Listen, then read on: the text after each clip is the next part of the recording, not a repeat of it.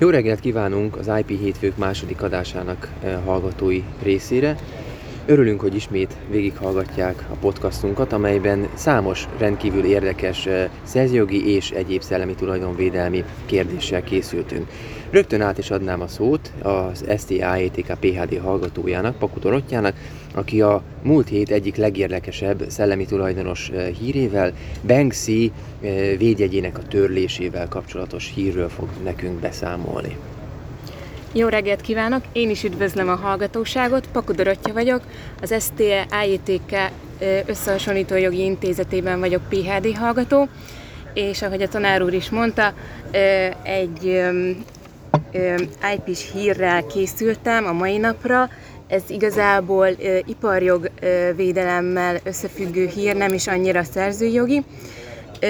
Banksy sokak számára ismert lehet, ugyanis ő az egyik leghíresebb graffiti művész, európai szinten is, de főképp Nagy-Britanniában, és az ő egyik leghíresebb művéről, alkotásáról lesz szó, a Flower Throwerről, ami egyébként Jeruzsálemben található eredetileg.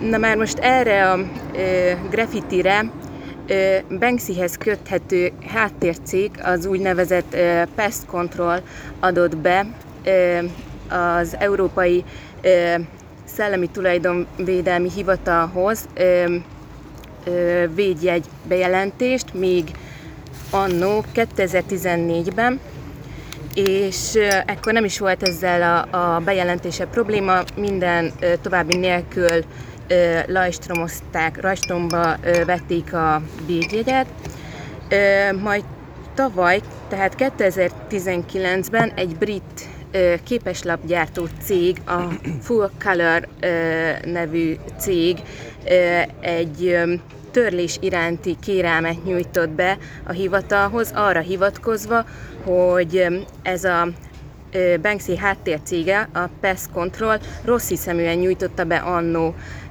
a védjegy bejelentését.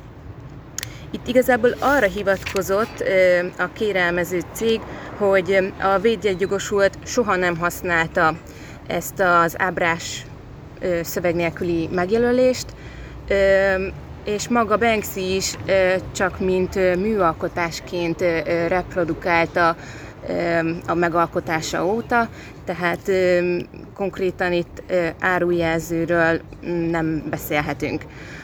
Arra is hivatkozott ez a cég, hogy az alkotás egy nyilvános helyen található graffiti Jeruzsálemben, és mint olyat bárki lefotózhatja, a szabadon terjesztheti, és ez egyébként is beleillik Banksynek abba a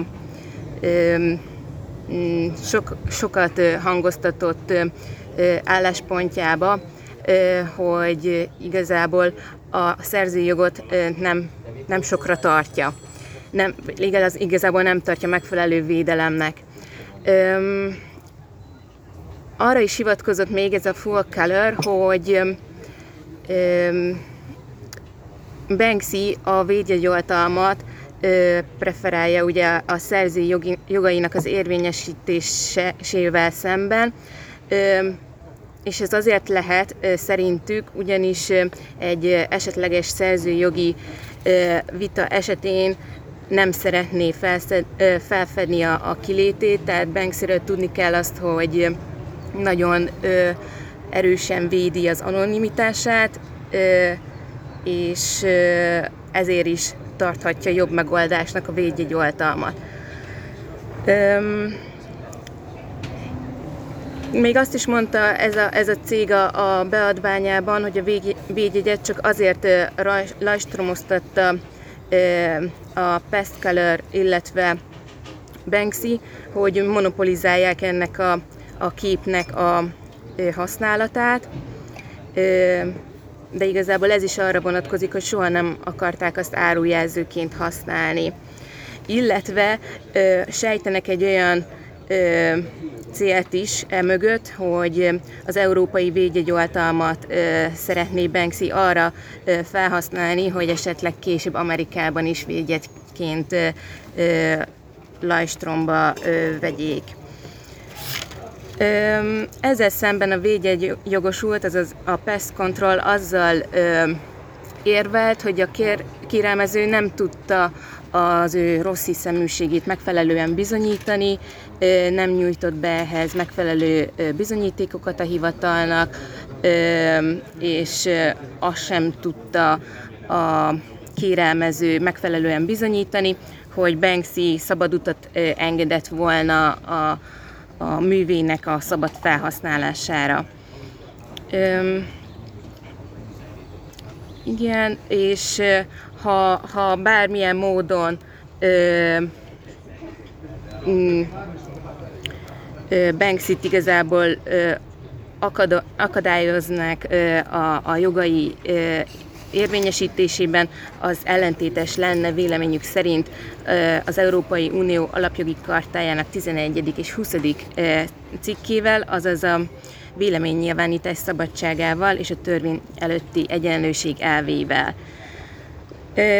A hivatal a döntésében hivatkozott az egyik főtanácsnok név szerint Sharpston fő, főtanácsnok Lind és Goatház ügyben tett megállapításaira, amiben a főtanácsnok úgy látta, hogy a rossz hiszeműség akkor állapítható meg, hogyha a védjegygogosult olyan intézkedése bizonyítható, amely egyértelműen tisztességtelen szándékot tükröz, és létezik egy olyan objektív mérce, amely ezt a, ezt a cselekményt mérhetővé teszi, illetve ezáltal később rossz hiszeműnek minősíthető.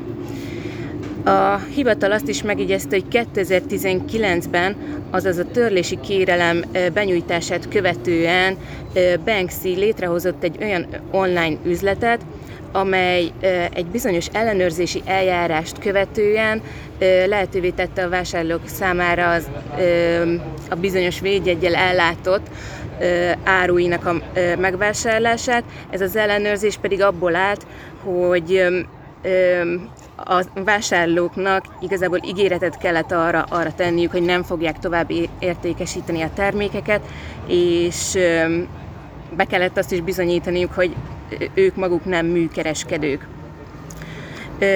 Ezzel a, a vállalkozás célja a hivatal szerint pont, hogy ezt a rossz hiszeműséget bizonyította, tehát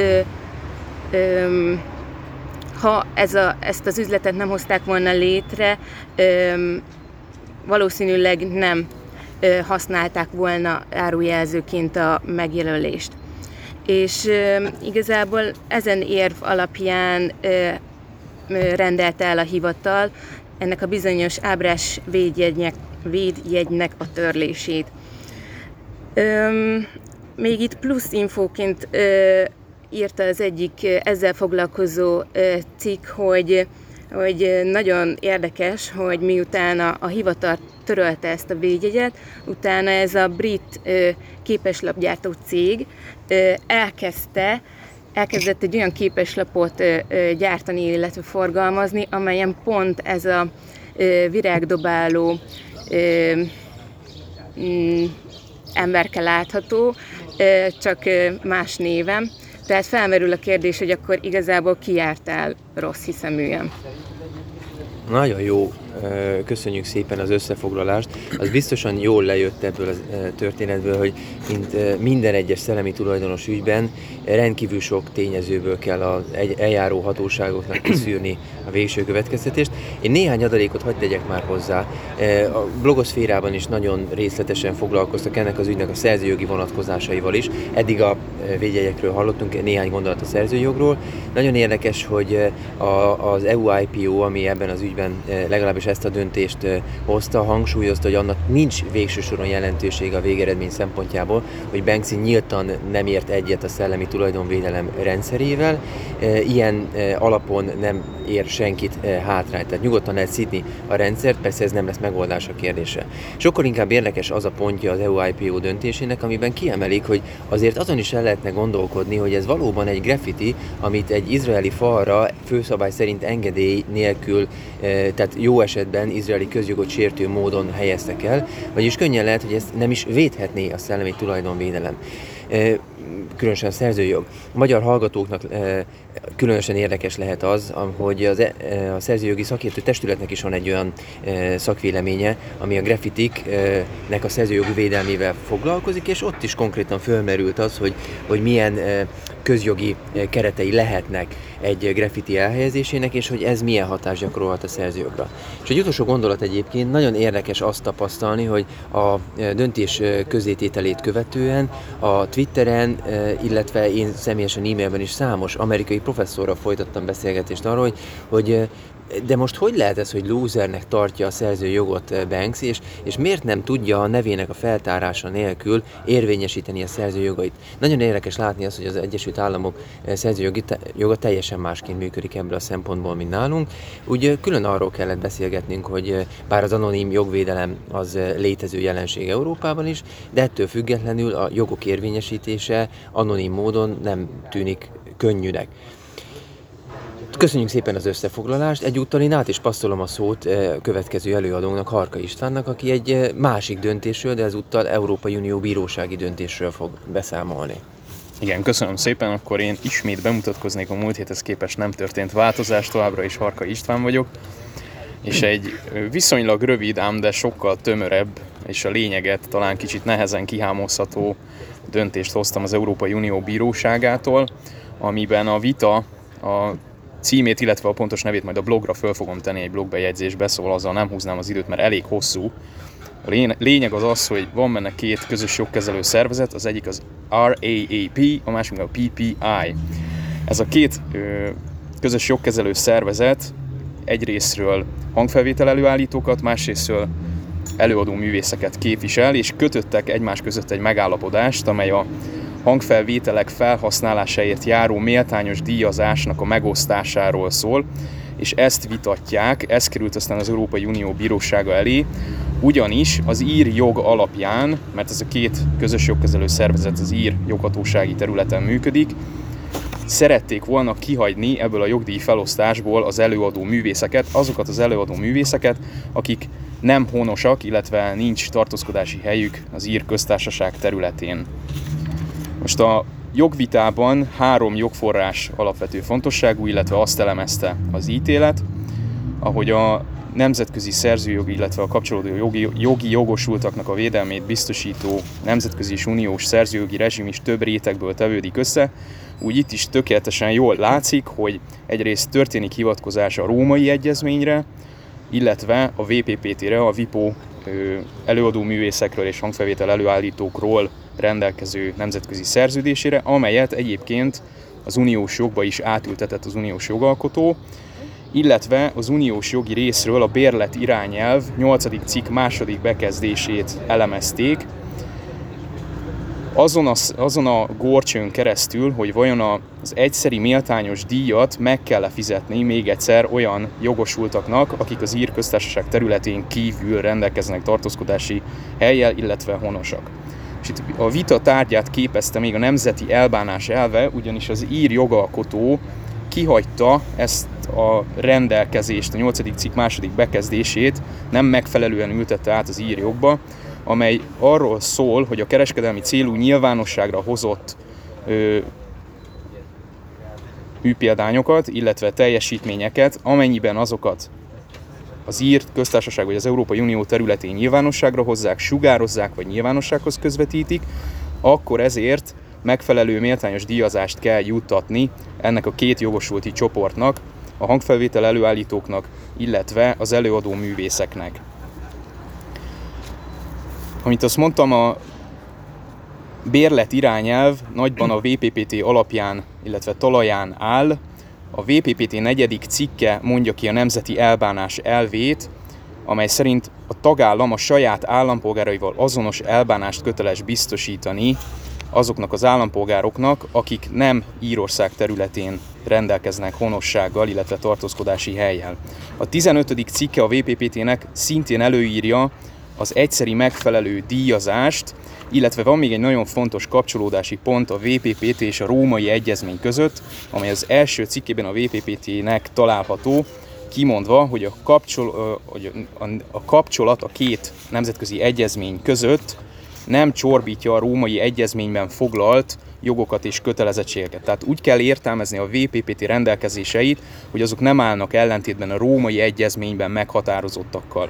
A római egyezmény is részletesen foglalkozik a nemzeti elbánás követelményével, kimondva, hogy annak a szerzőnek az állama irányadó a védelem szempontjából, ahol a védelmet kérik. Ez az előadó művészek esetében az a terület, hogyha az adott tagország területén tartják, vagy mármint az előadást tartják, sugározzák vagy rögzítik, hangfelvételek esetében pedig az a terület, ahol kiadják vagy rögzítik. Releváns lehet még az előállító más szerződéses, na nem tudom kiolvasni, mit írtam, szerződő állam állampolgár, az az állampolgársági elv, az első rögzítés, amely más szerződő államban történt, illetve ahol először adták ki. Röviden a döntés nagy meglepetéssel nem szolgál, ugyanis három pontban részletezi a jogvitának a kimenetelét. Először is kimondja, hogy nem lehet kizárni nem EGT állampolgárokat ebből a méltányos díjazásból, majd pedig utalva a VPPT 15. cikkében tett ö, rendelkezésekre, kimondja, hogy a díjazást meg kell osztani az előadó művésszel, és ezen az sem változtat, hogy a VPPT 15. cikkéhez bizonyos tagállamok fűztek fenntartásokat, kimondva, hogy ezt a méltányos díjazást az adott tagország területén vagy korlátozzák, vagy kizárják. Tehát lényegében összefoglalva röviden a jogvitát, az EUB kimondta, hogy nem hozhat olyan rendelkezést semmilyen uniós tagállam sem a bérlet irányelv tekintetében, ami kizárná a harmadik országok állampolgárait a méltányos díjazáshoz fűződő jogból. Köszönöm szépen! Nagyon jó, köszönjük szépen! Egy kevésbé technikai jellegű, mégis technológiai jellegű főtanácsnoki indítvány is született az elmúlt napokban. Szeptember 10-én tette közé a VG Bild, Kunst, stb. stb. Igen, megint csak hosszú, bonyolult nevű ügyben Spunár főtanácsnok a véleményét, méghozzá egy nagyon érdekes kérdésben, ez pedig a linkelés kérdésköre. De hogy egy kicsit pontosabbak legyünk, nem a hiperlinkekről szóló ügyről van itt szó, hanem kifejezetten a beágyázás technológiájáról.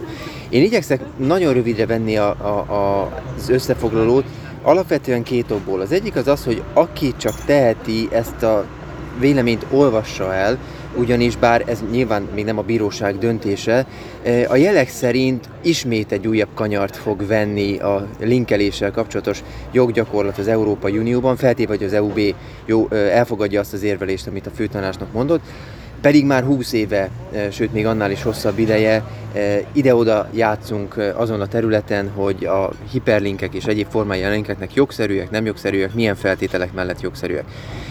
A a főtanácsnak indítvány ezen a ponton újabb csavarra most azt mondja, hogy a framing technológia az szerzőjogilag eh, nem releváns magatartás még akkor sem, ha egyébként a mögöttes tartalmat a szerző jogosult technológiai intézkedésekkel igyekezett levédeni. Ezzel ellentétben az inline linking eh, technológiája mindenképpen szerzőjogilag releváns magatartás, Na most, aki a technológiát, eh, ezt a hiperlinkelésnek, vagy bocsánat, a linkelésnek a technológiáját ismeri, eh, az eh, egy kicsit egyből fölhúzhatja a szemöldökét, mert végső soron, bár van érdemi különbség a kettő között, nincs olyan mértékű különbség, hogy egy ennyire feltűnő következmény szüljön a főtanácsnok véleménye. Hozzátéve, hogy tulajdonképpen a főtanácsnak csak tovább sodorja azt a nehézkesen értelmezhető és elhelyezhető gondolatot, hogy az új nyilvánosság mit is jelent tulajdonképpen. Főtanácsnak ugyanis azt mondja, hogy a legújabb uniós bírósági joggyakorlat alapján, és itt leginkább a Renkhoff döntésre utal, az új nyilvánosság most már nem bárkit jelent az interneten keresztül, annak ellenére, hogy egy tartalmat jogszerűen közzétettek valamely honlapot, hanem kizárólag annak az adott honlapnak a célközönsége tekinthető az úgymond eredeti új nyilvános, vagy eredeti nyilvánosságnak. És ehhez képest minden személy, aki azt a honlapot nem látogatta, új nyilvánosságnak tekinthető. Ha néhány évvel ezelőtt a Svensson ügy után az ember úgy felhúzta a szemöldökét, hogy mi a csuda az az új nyilvánosság, most talán még inkább elkomorodhat, hogy helyre tegye, hogy tulajdonképpen akkor van eredeti új nyilvánosság, és van másodlagos új nyilvánosság, és a sort még lehetne folytatni. Nagyon őszinte leszek, kíváncsian várom, hogy mi lesz ennek a, az ügynek. Egyébként 392 per 19-es számú ügyről beszélünk az EUB előtt.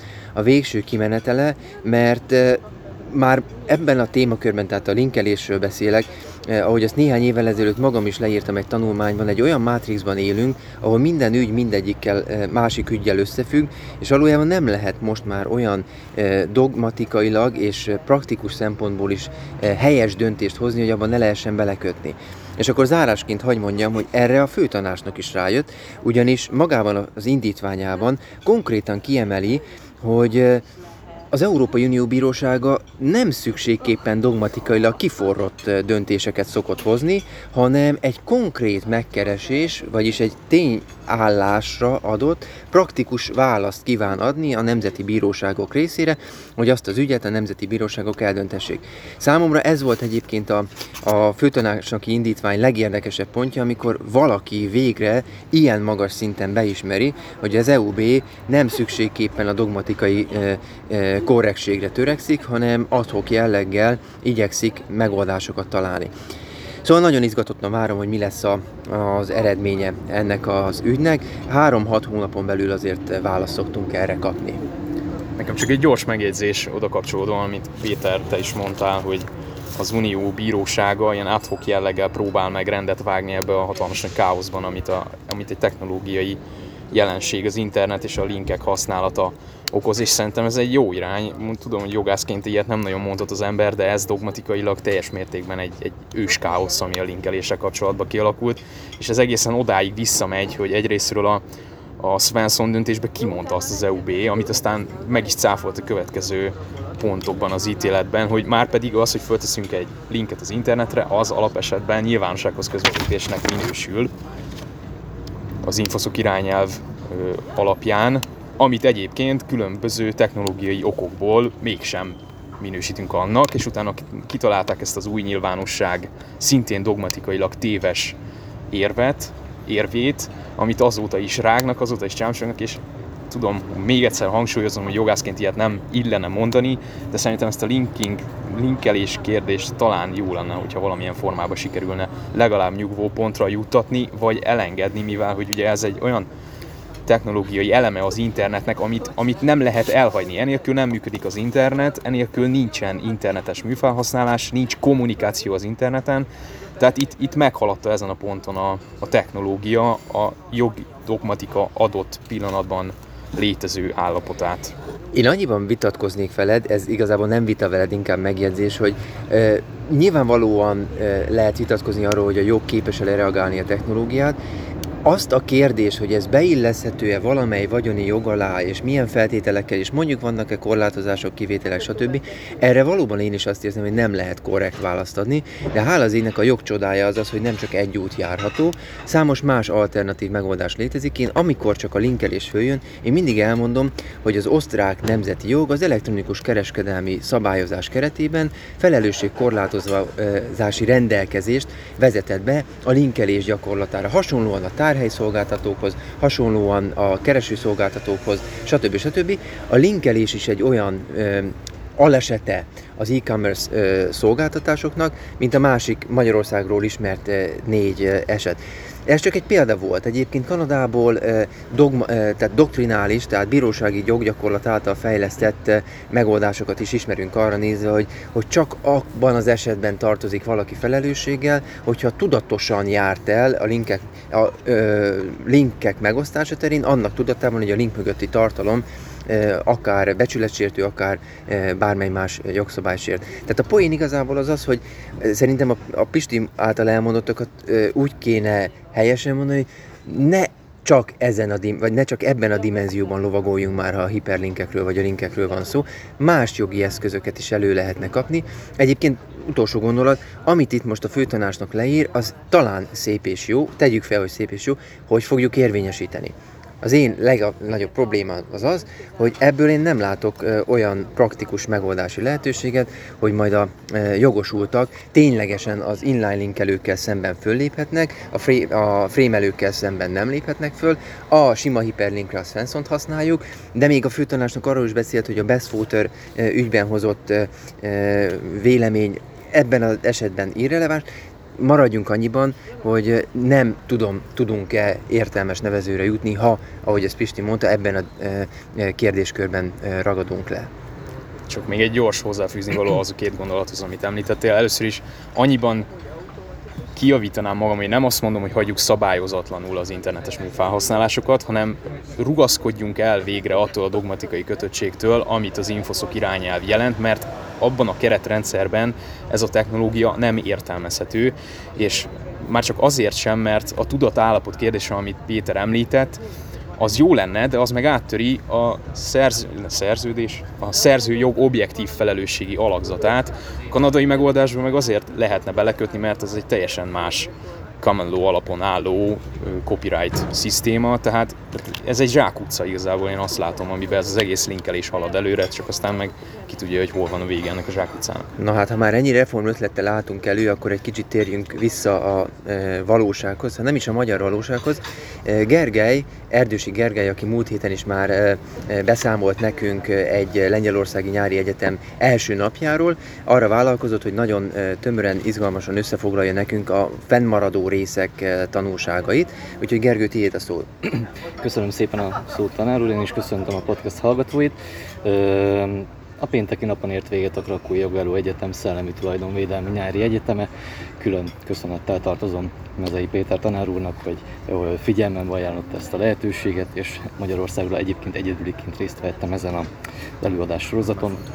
Ahogy arról már a múlt heti előadásban is beszéltem, leginkább az iparjogvédelmi oltalmi formák adták a, a, a fő témáját ennek az előadás sorozatnak, ezen belül is a szabadalmi oltalmi forta, ö, forma, hiszen a szabadalom, mint aktuális társadalmi, gazdasági aspektusát tekintve egy, egy nagyon, nagyon prosperáló jogintézmény, rendkívül sok kérdést felvet.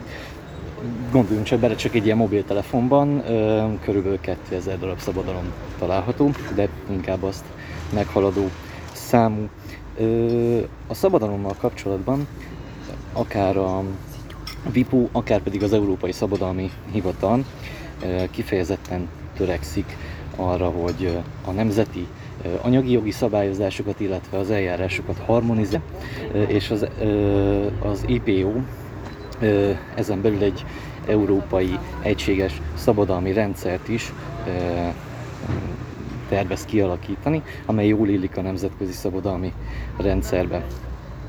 Ami még egy strukturális vagy szervezeti érdekesség, az Európai Szabadalmi Hivatal ugyanúgy aktív tagja az IP5 klubnak, mint a, az Egyesült Államok, Japán, Dél-Korea vagy akár Kína szabadalmi hivatalai, és külön érdekesség, hogy ha az IP5 szervezet tagjait nézzük, akkor az elmúlt tíz évben a legtöbb szabadalmat egyébként Kínában jegyezték be, több mint két és fél millió szabadalmat jegyeztettek be Kínában. Ez egyébként leginkább a napelemeknek köszönhető, a napkollektorok prosperáló gyártásának.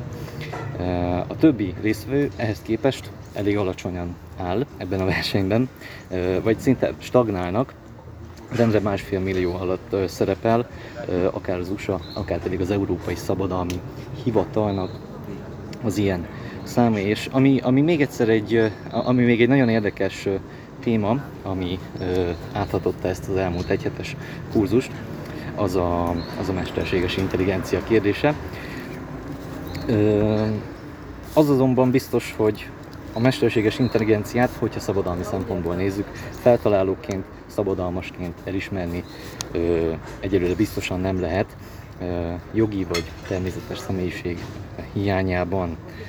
Ugyanakkor nem beszélhetünk a mesterséges intelligencia esetében munkaviszonyban előállított szellemi alkotásról sem, hiszen munkavállalónak sem minősülhet, valamint jogutódnak, örökösnek sem tudja egy ilyen rendszer átruházni ilyetén jogosultságait. Nem nehéz tehát arra következtetésre jutni, hogy sem feltalálóként, sem szabadalmasként való elismerése a, a mesterséges intelligenciának az teljesen szembe menne a szabadalmi oldal forma céljaival, alapvetéseivel. Az azonban látszik és szükséges is, hogy a mesterséges intelligencia terén az állami szféra, a közszféra is elkezdett megjelenni. A múlt heti adásban beszéltünk például az Innovációs és Technológiai Minisztérium mesterséges intelligencia stratégiájáról. Én nagyjából ezeket a fő pontokat emeltem volna ki a, a nyári egyetemről. Köszönöm szépen, hogy elmondhattam nagyon, nagyon jó volt hallani egyébként, hogy a krakóiak ennyire széles körű programot raktak össze. Nekem is volt szerencsém ott előadni, Istvánnak is volt már szerencséje részt venni. Nagyon remélem, hogy egyre több szegedi juthat majd el erre a programra. Egyébként, ha már a krakóiak a mesterséges intelligencia és szabadalmi vonalat említették, érdemes lehet megjegyezni, hogy néhány nap múlva a TIPSA szervez egy újabb webinárt egy sorozat részeként, mióta a COVID, COVID helyzet van, azóta ők is online szemináriumokat szerveznek, és szeptember 25-én a szabadalmak és mesterséges intelligencia kérdésköréről fognak egy, egy, oldal, egy órás programot szervezni, bárki rákereshet, érdemes regisztrálni a programra. És ugyancsak, ha már AI, akkor a mai podcastunk lezáró témakörének is egy mesterséges intelligencia hírt hozunk, ami ugyanakkor már nem szabadalmi, hanem szerzőjogi vonalról érkezik. A múlt héten arról is olvashattunk a Guardian folyóirat lapjain, hogy, egy, hogy maga a Guardian fölkért egy mesterséges intelligenciát, nyilvánvalóan annak a fejlesztőit, hogy írjon egy vezércikket.